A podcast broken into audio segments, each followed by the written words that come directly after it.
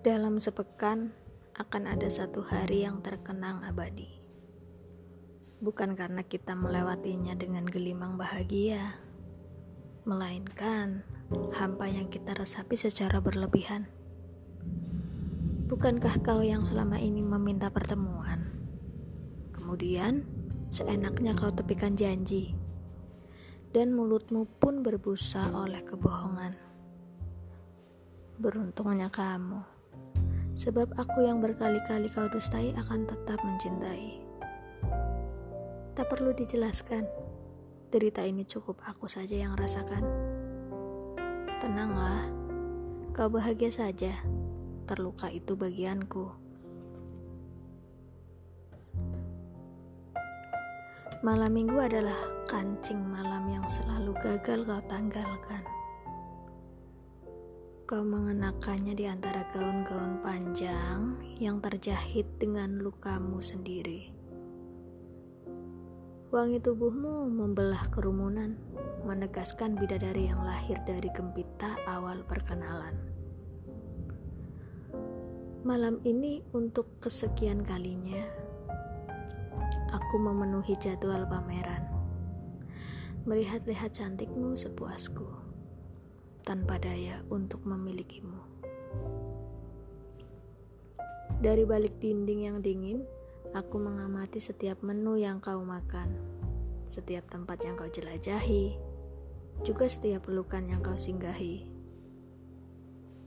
Berhias temaram lampu kota yang merebut perhatian, kau melintas dengan tatapan sayu yang tak mempersilahkan satu air mata menetes merusaknya. Orang-orang mulai bertanya akan rahasia kecantikan yang merona dari parasmu. Kau hanya tertawa, sembari menjelaskan bahwa dia yang tangan kirinya tengah kau genggam erat adalah resep utama. Decak kagum semakin membahana, dunia terpana, kau terlena. Semakin kau menunjukkan kemesraan, semakin kau akan diuji oleh perpisahan. Sabtu sore di tiga bulan setelah deretan umbar-umbar mesra pada akun Instagram milikmu itu, kau menemuiku. Menyihir senja mulai saat itu tak akan pernah sederhana lagi. Tangismu tumpah sebelum coklat panas pesanmu datang. Make upmu luntur, di kala malam belum menampakkan bintang-bintang. Aku bertanya kenapa. Kau menjawab sekenanya. Sedihmu terlalu kuat untuk dikalahkan. Lukamu terlalu hebat untuk disembuhkan. Satu jam berlalu. Pedih mengering di pipi, hujan tumbuh di kelopak matamu. Dua jam berlalu, pukat menjala duka, sesat mengerak di sepanjang kakimu. Hampir tiga jam aku hanya memasang telinga sembari menemukan cara untuk masalahmu. Sayangnya, Beberapa kisah hanya butuh didengarkan tanpa solusi. Kubiarkan waktu menjelajahi ruang sedihmu sembari menawarkan beberapa lembar tisu. Sebab menawarkan peluk atau tak pernah mampu.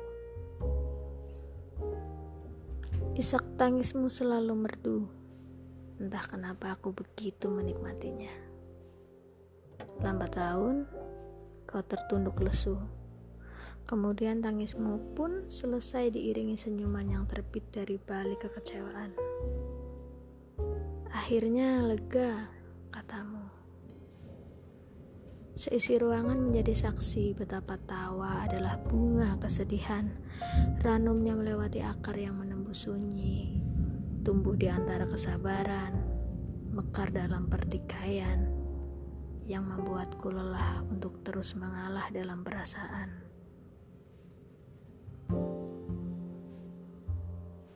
Aku menghitung denting gelas yang mengiringi perjalanan pulangmu. Gerimis paling sendu untuk menemani malam minggu terindahku.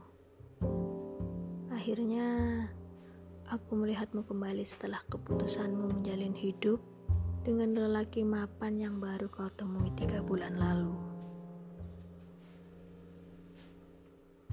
Kini biarkan aku menghabiskan sisa coklat panas pesananmu yang telah berubah dingin selayaknya bibir yang tak pernah bisa mengungkapkan perasaan. Ya, walaupun bukan dirimu langsung, tetapi bekas bibirmu masih bisa aku syukuri sebagai pesta pora sebelum terpejam. Karena aku tak bisa menebak kapan hatimu akan dilukai kembali dan kau tak pernah mau peduli betapa hatiku terlalu sering kau lukai. Biarkan masalah perasaan tetap menjadi jembatan. Kemudian, biarkan patah hati membawa kita kembali di tempat ini. Sebab kita adalah sepasang asing yang dipertemukan oleh kehilangan masing-masing. Residu Salifah